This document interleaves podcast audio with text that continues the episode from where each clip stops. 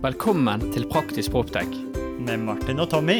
Dette er en podkast der vi ikke skal snakke om en fremtid langt unna, Men hvordan ny teknologi kan hjelpe oss til å drifte forvalte. og bruke byggene våre i dag. Vi vil vise deg de beste eksemplene fra innlandet Og fra utlandet. om hvordan sensorikk, teknologi og bygg henger sammen. So, let's go! Men veldig, veldig kjekt at du kunne stille opp. Vi prøvde jo å få med oss eh, Sigbjørn. Det var den veien inn jeg prøvde. Okay, ja. Og sånn Vi har en som er bedre. Oi, så solgte han meg opp. Nå er forventningene skyhøye. Ja, ja. Ah, Så vi, eh, vi har bare hørt uh, praise. ok, ja, ja, men da, da må jeg leve opp til det. Jeg har jo selvfølgelig Vi, vi gjør jo ganske sånn dybdeanalyser, så jeg har jo selvfølgelig Future Home. Ah, Jeg har fulgt flere generasjoner av Future oi, Home. oi. Men jeg syns det er kult nå hvor simplifisert og enkelt ting er. Ja. Jeg du meg og Martin vi snakker jo ofte om sånn SD-anlegg og byggeautomasjonsanlegg. Har, har du sett noe sånt på, på sånne systemer? Jeg kommer jo fra den bransjen. Jeg jobbet jo i Siemens eh, først, eh, og så gikk jeg til Bravida. Eh, så jeg har jo jobbet med næringsbygg og SD-anlegg i mange år. Kjenner godt til det. Eh, og så min refleksjon der, og vi begynner sikkert podkasten etter hvert, ikke om det begynte engang, men, eh, men min refleksjon der er jo at det, det her er ikke en teknologiutfordring, fordi teknologien har vært der i 50-60 år. Jeg, jeg har faktisk en video som viser et av de første smarthusene i Norge som Vebjørn Tandberg hadde i 1960. Der hadde han styringssystem med automatisk vindu som senkes ned i bakken for å få åpning ut til badebassenget. Han hadde, han hadde stereolyd inni badebassenget i 1960 supersmart. Eh, men så det, det, det er ikke teknologiutfordring å lykkes her. Det, det er veldig mye en brukervennlighet-utfordring eh, for å lykkes og få et massemarkedprodukt som er enkelt i vedlikehold og installere og tilpasse ulike behov eh, osv. Har, du sa du hadde en video av Tannberg? Skal vi sende den til dere? Åh, den må vi legge med i shownotes. Eller jeg, jeg vil i hvert fall se den. Ja, det skal du få lov til. Den, eh, jeg, det, er jo, eh, det ligger i, eh, i NRK sitt arkiv. Eh, den er så kul. Så her er det en chat. Dette har gått og hus forbi, Martin. Er det en chat her, eller? Skal vi se. Ja. Ja, det, det Der, er vet chat her Du du fant chatten, du. Det er Jeg sendte den til dere, så den må dere legge i shownotes. Den er Wow. kjempekul. kult. Dette, her, er- dette, dette skal lytterne få med seg. Men det, men det er jo for- jeg er jo ganske praktisk proptech. Vi er nå på Dette er episode 78, eh, Erik, så vi har jo vært gjennom veldig mye. Er, vi har ikke vært så mye på forbrukerbiten av proptech. Um, men vi har jo nærmet veldig mye innenfor styringssystemer, automatikk, eh, ventilasjon, varmeanlegg osv. innenpå den mer den kommersielle biten. Men veldig mange av lytterne våre har jo Future Home, har smarthjemautomatikk. Veldig mange som er opptatt av dette her på eh, hjemmefronten. Hvis man skal først, sånn som bakeren som ikke baker sitt eget brød, er jo en, en tanke vi har hatt lenge, at det er viktig, de som virkelig brenner for energieffektive, smarte næringsbygg, må jo også prøve ut dette her selv hjemme. Og så har de jo Future Home. Og så tenkte jeg, men hvorfor kan det ikke være like lett som det Ja. å sette opp Future Home som det er på S-anlegget mitt, på byggautomasjon, på lysstyringa? Hvorfor gjør vi det så komplisert? Hvorfor har vi så uinspirerte brukergrensesnitt der? Ja. Og, for, og det er vel det som har vært litt av kjernen i det dere har lykkes med med Future Home òg? Ja, jeg, jeg vil si det, og jeg vil si at det er ganske mye steg fortsatt eh, å, å ta der. Eh, fordi fortsatt så får vi tilbakemeldinger at selv om vi prøver å gjøre det så enkelt som mulig, så er det en av de største barrierene til folk er at det er ennå ikke enkelt nok.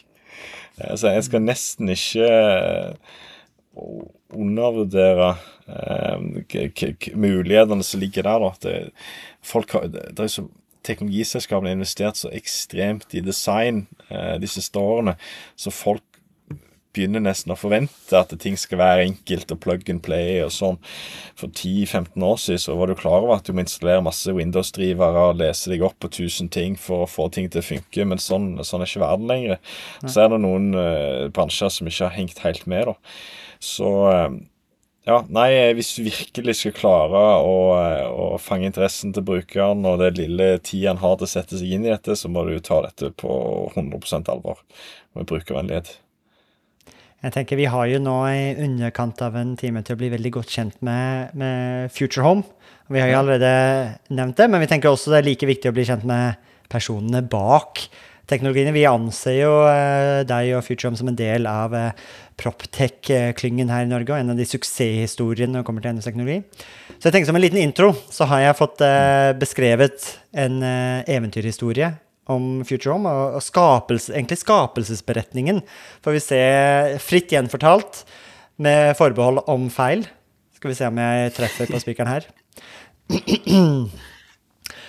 Det var en gang for mange år siden, kanskje det var ti, en elektriker over snittet glad i smågodt. Fra en liten landsby på vestkanten. Han hadde litt for mye feriepenger fra Bravida, og ville så gjerne koble sine høyttalere med lysene, men frustrerte seg over at det ikke fantes en god nok løsning. Så han fant seg to gode hjelpere, Bjarne og Odd Eivind, og så satte de i gang og bygde det selv. Og slikt holdt de på år etter år, og nå har de kommet dit at de er ansvarlig for at i hvert fall 30 000 norske hjem har eh, forhøyet sitt IQ-nivå. Ikke på menneskene, men på husene. Og alle har god strømkontroll. Selskapet det ble solgt til Get, men kjøpt tilbake fra Telia. Og reisen, den fortsetter. Kjenner du igjen i, i noe av denne historien, ja, det, det, var en interessant eh, Mye sannhet der. Så den straff veldig bra. Spennende eventyr. Gleder meg til å høre mer. det er riktig at hvis det er en kebab foran deg eller smågodt, så er det smågodt, det. Da er det smågodt. Jeg husker når vi var ute på nattmat etter vi var på byen, så skal jo alle i kebabkøen, men jeg stikker inn på Narvesen og kjøper en pakke smågodt heller. Og det er ingen kø der? Ingen kø. Står jeg helt fritt. Kan gjøre så lang tid jeg vil. Men eh, hva med Tenker Get eh, eller, tenk, Når vi gikk over til Get og multimedia og sånt, så kan jeg skjønne at det var litt sånn back to til, til liksom historie. Men hva tenker Future Home om multimediastyring, da? Ja, Det er et godt spørsmål. Så jeg, jeg kom jo inn i dette pga. multimedia. Fordi jeg eh, Det er der de siste problemene for meg oppsto. Eh, fordi at det var så mange fjernkontroller og duppeditter, og så var det så utrolig unødvendig tungvint. Eh, og jeg ville bare ha en sånn filmmodus, PlayStation-modus, og få det til å sitte. Eh, så, så Og fortsatt så er det veldig mange kunder som er superinteressert i det. Eh, og, og det er òg selskap som har ultraspesialisert seg på multimedia-approachen. Så du har jo Crestron og Kontroll 4 som alltid har vært veldig gode og, og hatt den enkelen inn. Og det er jo et kjempestort marked i USA hvor eh, Hvis du går i enebolig i USA, det har jo TV i hver eneste rom, vet du, så du kan følge med på amerikansk fotball mens du går på do uten å miste et eneste sekund, vet du. Så, så det, der eh, fins det et, et bra marked for det. Litt det vi så som utfordringene med approacha det, var at det det er veldig lite standardisering uh, forbi det markedet. Uh, masse ulike leverandører og system. Eh, og, og, ekstremt komplekst til å lage et, et bra produkt. Eh, og eh, som, som, kunne nå et massemarked. Så vi hadde alltid ambisjoner og ideer om at vi må gjøre mer på multimedia down the line. Men, men, så kommer det aldri høyt nok opp på prioriteringslista pga. den kost-nytten. da, Så ekstremt mye det koster oss å, å, få et skikkelig bra system versus hvor hvor lite det nytter da når det fins Det er jo masse som har skjedd i, i markedet der som gjør at det, det, er mindre relevant nå enn det var for 10-15 år siden. Så, så den, den uh, originale tesen, den originalfrustrasjonen, har jo, gått, har jo utviklet seg når det, liksom, produktet har møtt markedet, man har sett andre ting. Så er det jo egentlig nå hvis man skal assosiere Future med én ting i dag, så er det jo det å få god kontroll på strømforbruken hjemme. Yes. Og i den konteksten, det er jo det alle Veldig mange av de Proptex-selskapene vi prater med, er jo også en kjerne bit av dem sitt eh, verdiforslag er jo å hjelpe på, kanskje mer på næringsbygg og formålsbygg. Hvordan får vi god kontroll på de tekniske anleggene til å sørge for at vi ikke sløser med energi. Og sånn sett så har jo vi tenkt at dette Futurehome er jo en naturlig del av Proptech-klyngen, eller Proptech Norge. Men er det, er det et begrep eh, du identifiserer seg som? Er du en Proptech-gründer? Ja, vi kalte oss sjøl et Proptex-selskap, i hvert fall for to år siden. Okay. Eh, men det var mer strategisk eh, fordi at eh, investorer var livredde når, når vi sa smarthus. Det høres ja. Globalt og komplisert ut. Men Proptech, det er sexy og, og nytt og, og spennende. Så, så, litt sånn strategisk valgte vi oss sjøl å definere oss innenfor den kategorien, men, men det er òg på bakgrunn at vi har ikke bare masse eneboligkunder, men vi har òg en del borettslag og utbyggere. Mm, ja. eh, vi har faktisk eh, over 8000 kunder som har eh, røykvarslersystem fra Future Home i borettslag, wow. der vi kobler opp eh, eh store nettverk av røykvarslere som kommuniserer sammen og varsler styreleder hvis det er lavt batteri, og hvis beboer tar ned røykvarsleren, og, og kobler opp mot eh, brannvesenet. Så jeg vil si at vi har en, eh, en absolutt hører hjemme i Proptech-kategorien og spacet, og, og har masse eh, ambisjoner om hva mer vi skal gjøre, men akkurat nå er jeg veldig fokusert på strømstyring i enebolig. Det er jo litt eh, det som dere eh, for å være Jeg tror veldig mange i Proptech-klyngen har lyst til å kalle dere for Proptech-selskap. For dere har jo hatt en helt insane vekst. Jeg tror det er ingen som har ikke fått med seg Finansavisen og Skifter. Sånn, dere gikk fra, var det fra 35 millioner til 126 millioner på ett år i omsetningsøkning. Hva, hva er hemmeligheten? Ja, det var Vi skifta veldig sterkt eh, fokus. Det var det ene til å, å fokusere ultra mye på dette med strømstyring. Eh, vi gjorde òg mye for å få eh, distribusjonen til å ta fart. Vi legger, inn, eh, ut, eh, legger om distribusjonsstrategien og fokus på elektrikere. Eh, og det har funka veldig bra. Så nå er det mange elektrikere som jobber med strømkontroll og strømstyring hver dag. Eh, og så jeg vil si fokus har vært en viktig del, men i tillegg så har jo markedet hjulpet oss. Eh, akkurat når vi eh, Strømprisene i slutten av 2021 som, som begynte å bikke seks kroner, det tok jo og fikk mange til å sperre opp øynene med at vi kommer til å ha mer volatile strømpriser i framtida. Og mm. Det er viktig å investere nå og henge med og, gjøre dette skiftet. Og når vi sier 126 millioner i, i omsetning, er det da rene hardvarekostnader? Har dere noe abonnement, uh, recurring revenue Det attraktive SAS-kostnadene der også, som investorene etterspør? Ja, vi har noen recurring revenue, men det aller, aller, meste er eh, fra hardvare. Eh, vi tilbyr eh, noen tjenester til borettslag og utbyggere eh, for å gjøre enklere drift for styreleder, enklere drift for utbyggere. Eh, men vi har ikke lansert noe for eneboligkunder ennå. Vi venter fortsatt på å komme med et skikkelig bra verdiforslag som kunder kommer til å digge før vi gjør det. Mm, mm. Vi så jo, Det var jo den historien om eh, Remarkable, som gikk fra mm. kun Harvard skulle prøve å introdusere eh, subscription recurring nå for eh, to-tre år siden. Det var ganske det gjorde ganske vondt for dem å eh, ta den reisen bort. Spesielt fordi de tok vekk noe av verdiforslaget i den hardware-biten først. Så utfordringen er vel å legge, kunne legge på noe mer verdi som er villig til å betale for, uten å ja. for, uh, begrense det eksisterende produktet for mye.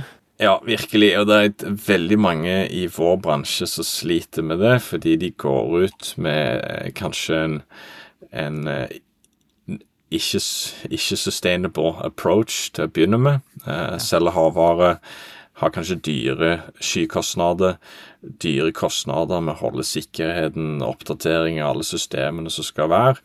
Eh, og så kanskje allerede etter tre-fire år så har de kostnadene spist opp havvaremarginen din. Så, så det er en bransje med der mange har på en måte gått ut med en forretningsmodell som, som ikke har, har, skalert, og så må de, så må de på en måte backtracke. De må prøve, og enten så må de eh, gjøre det kunder ikke liker, med å begynne å legge mer og mer funksjoner bak paywall. Eh, ta IFTT som et bra eksempel, syns jeg, og begynne å miste mange av de lojale kundene sine. Eh, eller så må de prøve å endre forretningsmodell, komme med noe nytt.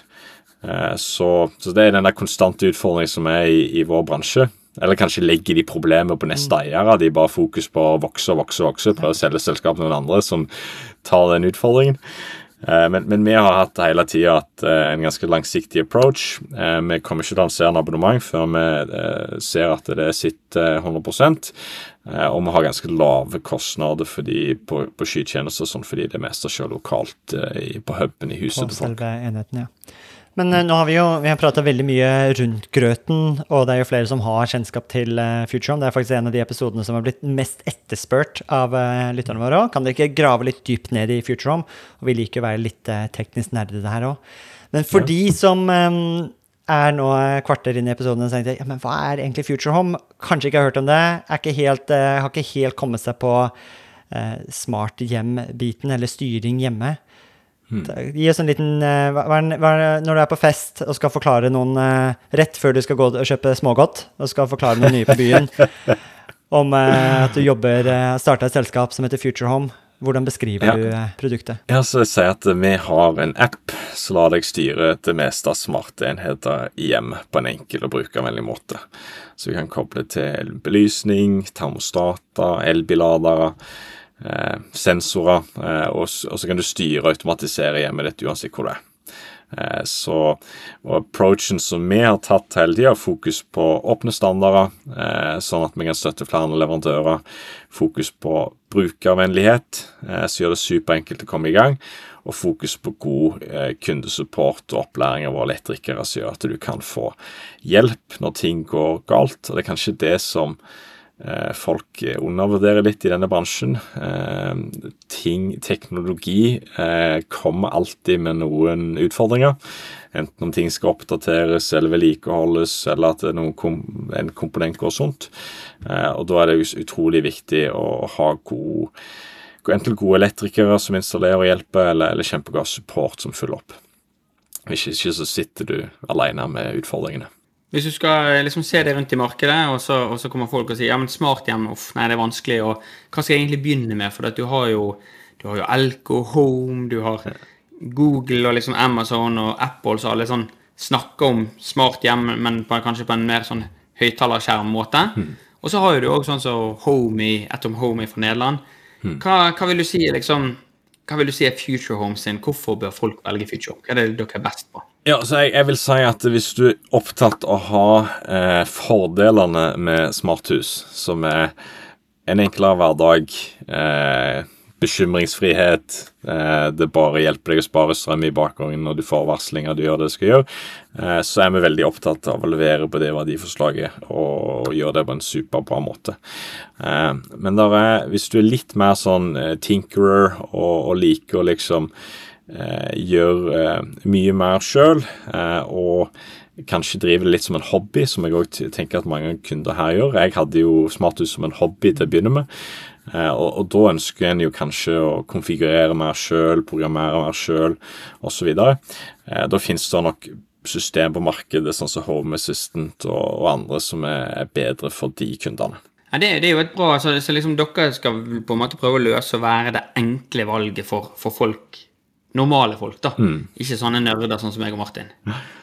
Nødvendigvis. Ja, det er jo supertøft, for jeg er jo sånn nerd sjøl, så jeg sitter jo hele tida og må krangle med folk om ja, kan vi ikke gjøre det sånn og sånn, men heldigvis så, eh, så er det alltid en sånn trade-off om å prøve å eh, Hva skal vi ha fokus på? Skal vi, ha, ha, eh, skal vi prøve å gjøre det enda enklere og, og ha de funksjonene som støtter ja standardisering og, og, det som kommer i framtida, eller skal vi eh, og, og, hvor mye konfigurering skal vi tillate. Mm. Så det er en vanskelig trade-off, eh, men jeg, jeg, tror fortsatt at eh, de kundene som er early adopters i dette markedet, er ekstremt viktige. Mm. Eh, så, så, vi har et lite fok. Vi har òg en, del eh, ting som vi jobber med for de, og har. Eh, for jeg tenker at de er de som går og snakker med andre, og ofte mm. viktige opinion makers. Eh, og så er de òg en god kilde til ideer og forslag og inspirasjon Eh, så, så det å ha et sånn sterkt community, det er jo superverdifullt. Jeg tror mange som har Home Assistant, eller jeg, jeg har det første systemet mitt var Open Hab igjen. Ja. Eh, og jeg tror det er mange som kjenner seg igjen i at plutselig var det en eller annen For alle kan jo utvikle i det systemet. sant? Open source. Plutselig er det en som kom hjem fra byen eh, med masse smågodt og begynte å lage oppdatere koden litt. Og neste dag så virker ingen av varmekablene. Ja. Så det er jo litt det å ha det trygge valget òg, at du vet at ok, da har du en standardisering, det skal være enkelt, Ja. og dette skal bare funke, kontra det å ha masse masse nye funksjoner som oppdaterer seg nesten fortere enn ja du kan. Jeg husker jeg, jeg var jo Jeg vet ikke hvor mange Hvis dere har mange lyttere som holdt på i Space lenge, så er det kanskje noen som brukte Event Ghost. Eh, Det var jo et veldig tidlig eh, program, eh, så det kjørte på Windows. Python-basert, eh, og du kunne integrere Teldus og alle slags typer receiver, 3D-prosjektorer og mye sånn.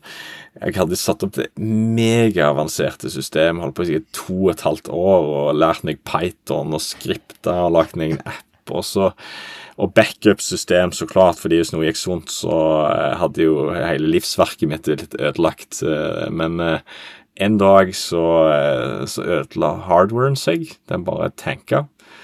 Eh, og backupen lå på den samme hardwaren, så den var jo bortkasta. Burde jo så klart tenkt på det.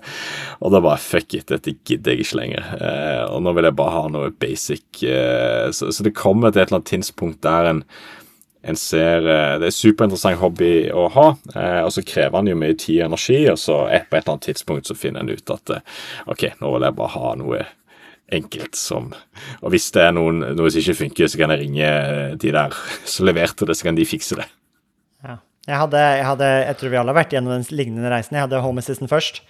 Og så ble det bare så mye Det var gøy å sette det første gangen, og så var det den vedlikeholden. Og man kunne ikke helt liksom, Det kom noe nytt, og så var det ikke Det var ikke liksom Helt Satt ikke helt. Og, og da gikk jeg over på Future Home. Hadde eh, noen år.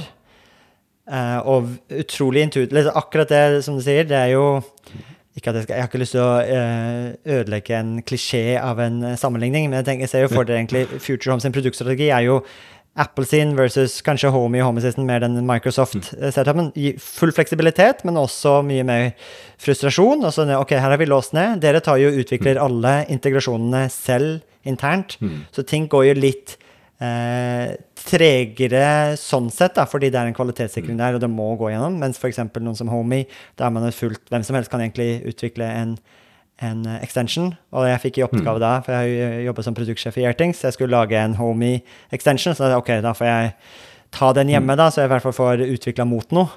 Eh, Så da måtte jeg gå over til eh, Homey. Men det er, litt, det, er, det, det er ikke bare bare det for hvem som helst å, å sette seg inn i Homey heller, som den skal være litt mer enklere enn en Home Assistant. Så jeg ser det er sånn spektrum der. Så jeg har absolutt Hvis jeg anbefaler nå noen som ikke er like Som vil ha god kontroll hjemme, og vil bare ha en app for hjemmet sitt, så anbefaler jeg alltid Future Home. Ja, men det setter vi kjempepris på. For, og spesielt også, for veldig ofte så trenger man å koble ting, ting eh, og da er elektrik, det er jo elektrikeren sin beste venn. Og jeg tror det har vært mye av suksessen til å få til denne her, eh, med fokuset på strømoptimalisering sørge for at elektrikeren er den som anbefaler dette produktet òg. Hmm. absolutt. Og vi, vi har jo en elektrikerstrategi, eh, og vi leverer jo ikke nå ba, bare eh. Vi leverer jo òg termostater, stikkontakter og, og Nå holdt jeg på å røpe en del nye produkter som kommer, men eh, Ja. og andre produkt Ja. eh, som jeg ikke skal røpe nå, men som kommer til å komme i uh, informasjon om etter hvert. Eh, og vi støtter jo faktisk òg eh, De er òg støtta i Homie, Så vi syns jo Homie er en, eh, en veldig god aktør i, i bransjen. Eh, og, og min approach eh, til denne Dette er en så ny bransje eh, som egentlig bygger sammen. Eh, jeg syns alltid er interessant å komme på de bransjetreffene, spesielt i Connectivity Standard Alliance. Da treffer du jo alle konkurrentene dine, og vi har jo kjempegode samtaler som handler om hvordan er det vi skal standardisere og bygge bransjen. Eh, og det løfter alle båtene. Eh, så, så jeg ville jo sagt at vi konkurrerer ikke med med Homey, vi jobb, samarbeider med de med å eh, utvikle smarte hjem, bransjen som gjør at alle ønsker å ha et smarthus. Men, øh, og nå, nå kjente jeg, nå ble jeg litt sånn engasjert. For sånne, sånne treff som dette her ja, det, det, det, det er sånne treff som jeg eh, hobby, Jeg har veldig sånn dyp hobby på, på hjemmet. Men, men eh, det er mye som skjer, og vi har fått inn litt i innboksen vår, og det som folk måtte dekke òg. Det er jo mye snakk om Tread og Matter, og når vi snakker om bransjestandard og sånt. Hva, hva tenker du om, om, eh, om protok disse protokollene eller standardene, og kan du liksom forklare det på en enkel måte til våre lyttere? Ja, eh, så, så du har jo den der eh, XKCDC-spøken som alle sikkert kjenner til, eh, som sier det nå, men nå, nå har vi 15 standarder. Åh, det er så tungvint. Eh, og så kommer en og sier ah, men du, jeg har en idé. Jeg eh, uniter alle de 15 standardene, og så har vi bare én standard. Eh, og så kommer neste som sier ok, og så var det 16 standarder. eh, så, så det er jo eh, en, en kan fort tenke seg og, og på historikken og, og se det at ok, men nå kommer Matter, er ikke det bare nok en sånn en, en ny standard som alle prøver seg på? Og, min refleksjon på det er at dette er ganske annerledes forhold til alle de andre initiativene som, som prøvde å gjøre det samme. Så først da så er det jo en, en, den første ordentlige applikasjonsprotokollen eh, som kjører på toppen av, av disse eh, andre standardene, sånn som Zigbee og Z-Wave og, og, Thread, og Thread og disse, eh, som har direkte støtte for Thread og, og Wifi, men at du kan lage eh, support for andre. da. Så det, den er jo en, en annen type eh, protokoll, eh, og det som jeg syns er veldig interessant når vi går på disse bransjetreffene. Eh, Så før var det jo eh, et par nerder fra ofte de havvareselskapene som møtte sammen og diskuterte protokoll. Nå vil jeg, Sist vi var der, så var 50% av deltakerne enten fra Apple, Google, Amazon eller eh, ja, de store selskapene som møtte med enormt mye folk. Eh, og det er jo nesten slag om eh, hvordan er det eh, standarden skal se ut, på ganske viktige strategiske tema for de. Eh, hva skal deles, eh, hvordan skal plattformene kunne integreres. Så er et ekstremt flinke folk. Eh, alle er døds vi jeg kaller det brenner for bransjen. Eh, veldig løsningsorienterte, og så tar de beslutninger og, og går videre. Så det, ting skjer veldig kjapt. Eh, Foreløpig så handler protokollen veldig mye om de tradisjonelle smarthusproduktene, sånn lysstyring, dørlås, eh, robotstøvsuger osv. Det er ikke så mye fokus ennå på, på strømstyring. Eh, Så det er en arbeidsgruppe som jobber med elbilader, det er en arbeidsgruppe som jobber med smart metering osv., men, men de ligger ganske langt nede på, på roadmappet til, til Matter. Så jeg syns at dette er et, et mye større skifte enn noe annet. Og så er det bare spørsmål hvor lang tid tar det. Eh, Jeg tror ikke vi I vår bransje så vil jeg ikke si det kommer til å ha en sånn kjempestor betydning de neste 12-18 månedene. eh, Fordi det er fortsatt veldig fokus på de der standard smarthusproduktene. Eh, Men etter hvert så er jo ambisjonen til, til Matter å både gjøre strømstyring, men òg ha en rolle innenfor smarte bygg og næringsbygg. Eh, eller iallfall ikke, kanskje ikke de tradisjonelle eh, store næringsbyggene, men eh, eh, de, de har iallfall en ambisjon rundt commercial buildings.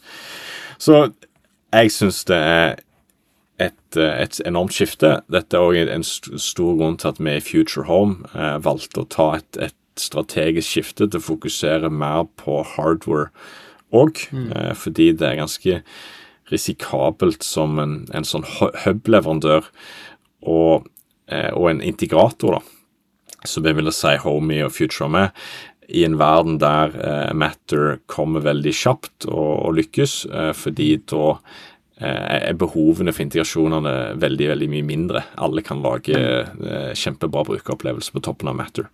Det er jo det jeg håper skjer, eh, fordi da kommer markedet til å jeg tror eksplodere, fordi det vil bli enda enklere, enda billigere for kunder.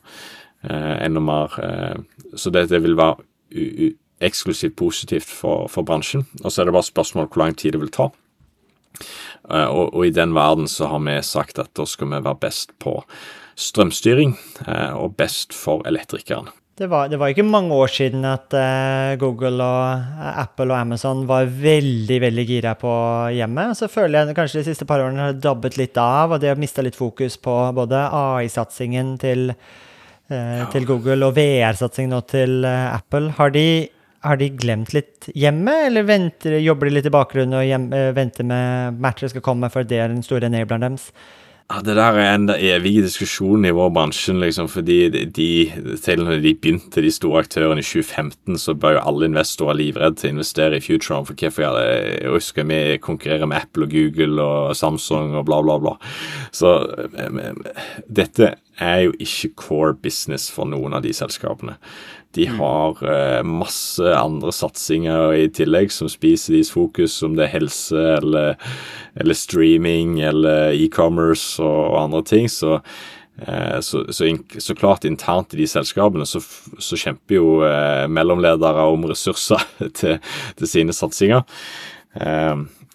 så det Min refleksjon der er at det tok hadde veldig store stormskritt eh, i begynnelsen. Eh, Iallfall i 2021, litt i 2022. Eh, vi har sett mye mindre fart i år enn det vi hadde kanskje forventa. Mm.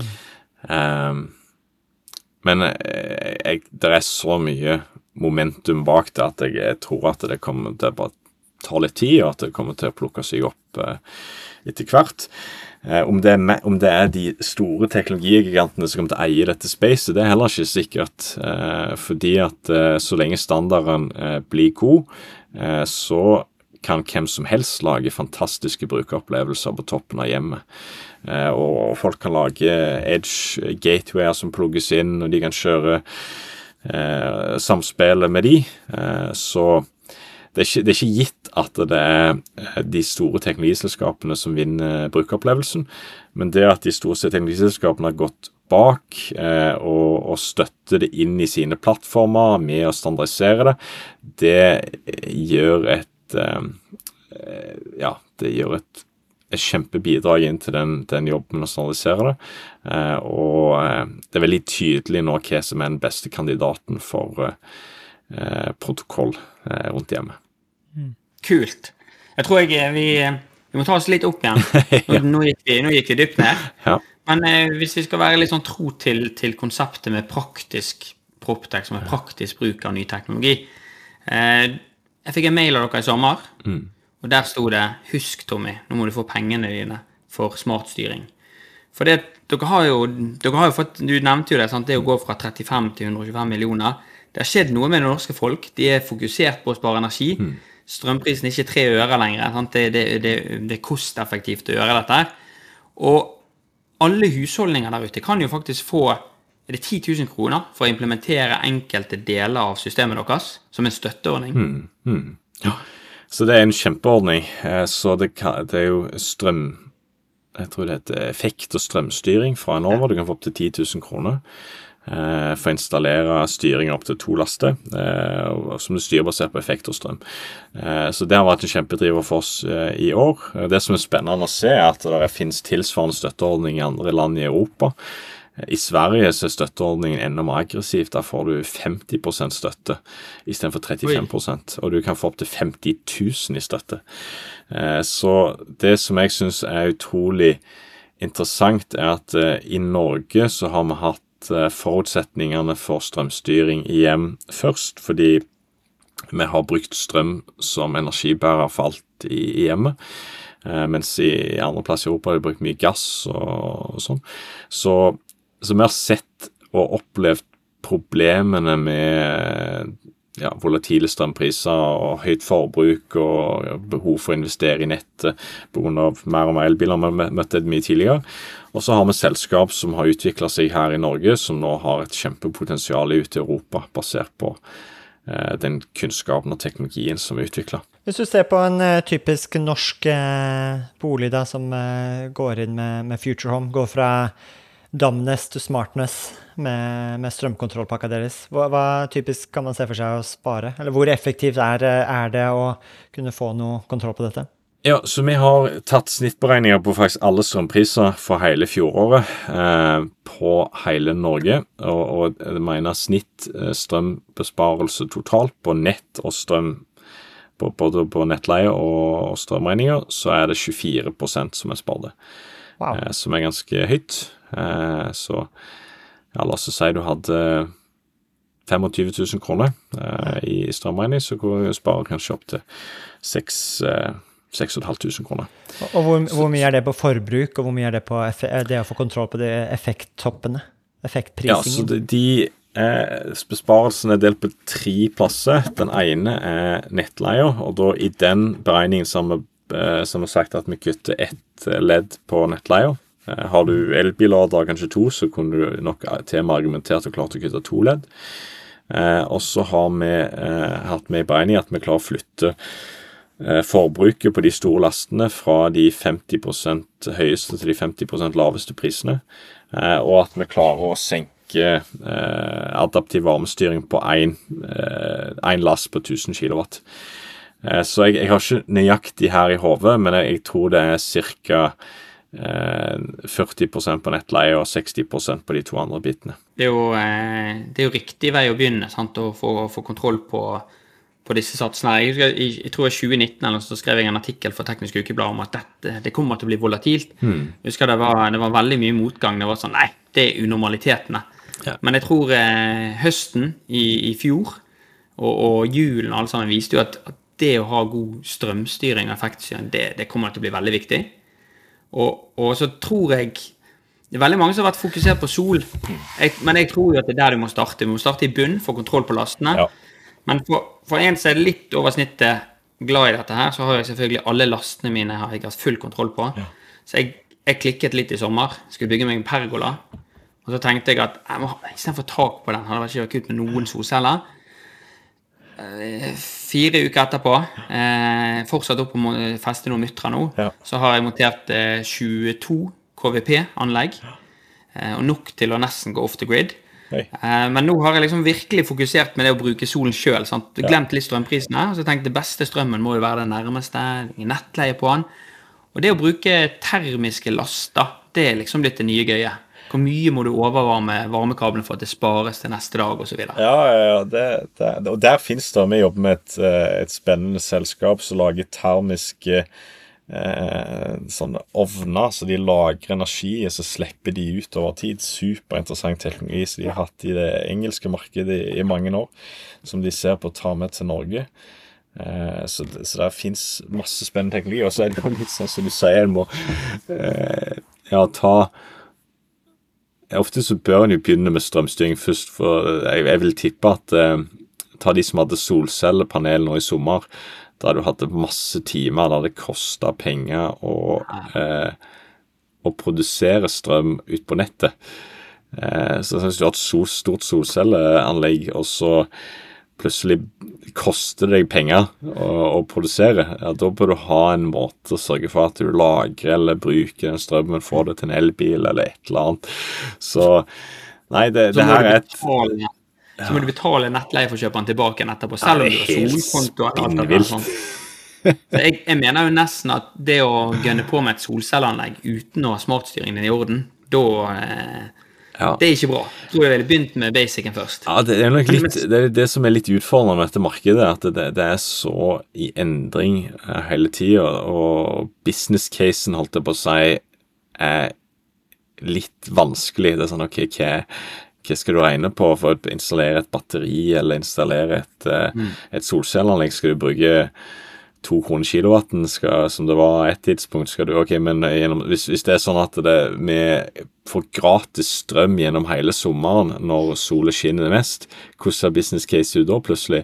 Så det, det er jo det er vanskelig å virkelig eh, regne hjem og forstå dette, med mindre du Og det er det vi ønsker å få til på sikt, at vi kan lage systemet så bra og så visuelt for kunden at vi bare viser i appen sånn bør du bruke strømmen din, og vi sørger for at det blir eh, lønnsomt for deg. Kult. Kanskje ikke den største energibrukeren, men en av de store energibrukerne på et hjem er jo er, er ventilasjonen. Og der har vi jo noen eh, store dinosaurer i bransjen som har eh, levert eh, hjemmeventilasjon til flere hundretalls tusen hjem allerede. Systema- Systemair-aggregat og Flexit. Jeg tror kanskje Med de to så har man i hvert fall 50-60% av markedet. Hvordan er eh, I den strømkontrollpakka deres så er det vel ikke noe Er det ikke ventilasjonsstyring um, som en del av det? Har dere, hvordan er styringen og behovsstyring av ventilasjon og potensiell besvarelse der på hjemmefronten? Ja, Det er et godt spørsmål. Det er jo veldig mange, iallfall i en del leilighetsbygg vi har vært i, så, så er det ventilasjon som er det hoveddelen av oppvarmingen. Eh, jeg vet at Systemair de hadde et, et produkt på Z-Wave en periode. Eh, Flexit har vi òg vært i dialog med. Eh, jeg kan si at det er et, et superinteressant produkt, begge deler. Og så er det et av de som ikke har klart å fått opp på den prioriteringslista som gjør at vi har integrert det ennå. Eh, Men jeg kan, jeg kan skjønne dere òg, for jeg, jeg lagte meg en kode nå mot et ventilasjonsaggregat. Og da var det liksom å konvertere det til Modbus RTU, eh, kable totråds ned til en Raspberry Pi, gjøre det om til MQTT. Ja. Og jeg tror jeg brukte like lang tid på ventilasjonsanlegget som jeg brukte på de 100 første sensorene å legge til. sant? Ja, det Nei, så jeg, jeg håper jo at igjen det, det som hvis jeg Bare for å knytte det opp mot det vi snakket om tidligere. Det beste for denne bransjen er hvis vi får bedre standardisering. Eh, Så det som skjer rundt Matter og alt det er kjempebra. Og mitt råd til alle leverandører, om det er Systemer eller, eller Flexit og sånn, er å, å koble seg på eh, bransjen og, eller standardiseringen og, og prøve å følge standarder. Eh, spesielt eh, Matter da, og, og det som skjer der. Dette her er jo en, en ganske god overgang til et tema som jeg og Martin ofte sitter og snakker om på fredagskveldene. Nå, eh, forrige fredagskveld i et boblebad med Jack og Hola ute hos meg. Og, da, og da, da har vi jo snakket litt om dette her med Future Home, Homey. Det er et veldig, det er veldig enkelt og bra produkt mot for å løse konkrete behov. Vi snakka med gårdeier som, som på en måte sier det at nei, vi har ingen styring her, for vi fant det var for dyrt med SD og litt den tradisjonelle. Og det store spørsmålet vi eh, Nå har vi egentlig brukt det for Home, da, men da er vi sånn kommer næringsbygg i. Men kanskje vi skal prøve oss på heller at kommer, kommer, kommer Future Kan vi måtte hjelpe meg? Eh, fu- Future Biggie? Future Com? Commercial Building? Future FutureCom. Future- com Future Com Space? Ja, ja, ja. Nei, det, det Er det en bransje dere ser på? For jeg tror Hvis det er en bransje som trenger eh, Tinder for drifting av bygget, en like god brukeropplevelse som Tinder, ja, ja. så er det, er det næringsbyggene våre.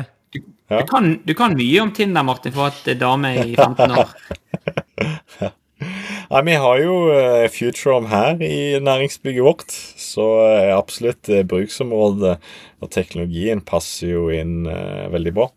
Eh, så altså vet vi jo at det er mange elektrikere som har installert Futurom i, i ulike næringsbygg. Eh, så, så det segmentet som er sånn et, et næringslokale, eh, kall det opp til 1000 kvadratmeter, det er jo ikke så fjernt fra en enebolig. Så der er det jo flere som bruker FutureHome. Men det er ikke et, et segment vi bruker mye energi på, verken på markedsføring eller på eh, produkttilpassinger. Eh, fordi er, vi har så mye fokus på å virkelig bare lage det beste eneboligproduktet. Eh, men en skal ikke se bort i framtida at, eh, at det er et spennende segment. Og så er det jo masse gode aktører òg i i næringsbygg. De er iallfall gode på hardware, men de, hadde de vært enda bedre på software, så, så hadde du hatt gode løsninger. Så det kommer nok ventilasjon til til hjemmeventilasjonsstøtte kommer nok før eh, Future Combig. Det, det kan jeg nok si.